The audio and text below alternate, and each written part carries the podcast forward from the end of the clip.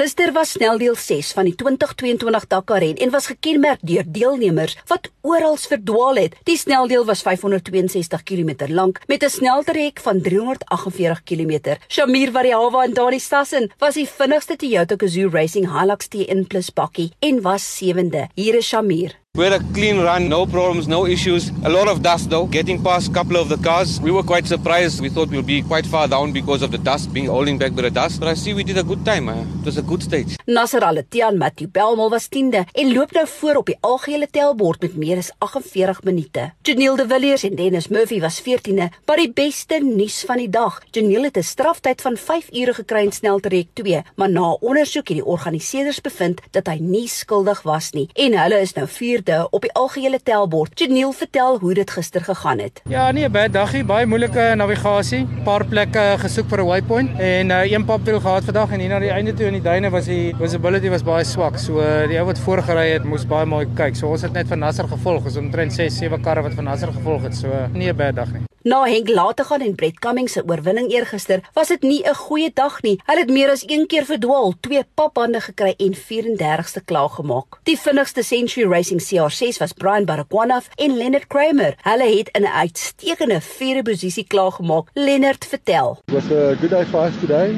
Uh, we had a few difficult days with uh, bad luck in uh, different uh, areas of the race uh, and uh, still getting used to navigation and how to navigate together in the dunes here. Today was the first big day for us. Die res van die Century Century Racing CR6 het almal klaar gemaak. Daniel Schroeder en Ryan Bland in hulle gemodifiseerde Navara het 'n baie moeilike dag gehad. Hulle was 50ste. Hier is Ryan. Big day today. We started the special off uh, this morning and about 15 k's in we hit some massive rock in the dust of the trucks and uh, from the impact the headlights basically fell out the car and uh, windscreen broke and uh, the actual whole diff moved up into the sump of the engine and we basically nursed the car back. Nou oor na Steffi Wetter van die Southern Africa Dakar Group vir ons Suider-Afrika motorfietsryers. Another day, another crazy Dakar stage 6 for the riders yesterday. The route bared its teeth and unfortunately for Ross Branch, that bite drew blood. Racing on the same route that the trucks, cars, and side by sides had raced on in stage 5 made for treacherous conditions with deep ruts,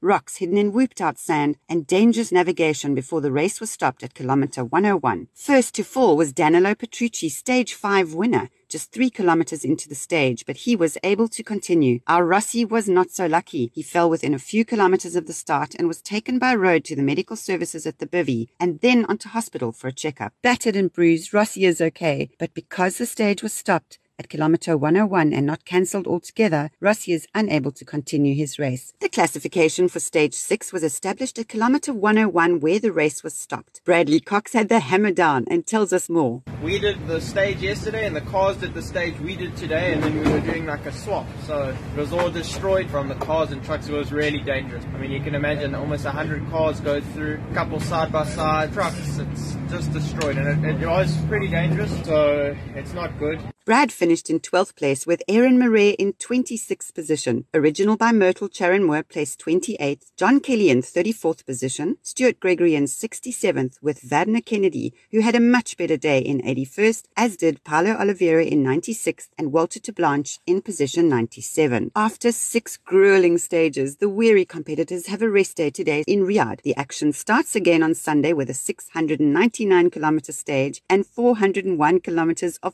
furious racing from Riyadh to El Dawadimi. Ek is Janet van Wiele twee wiele And this is Steffi for the Southern Africa Dakar Group. tot oormôre. Hou jou wiele aan die rol.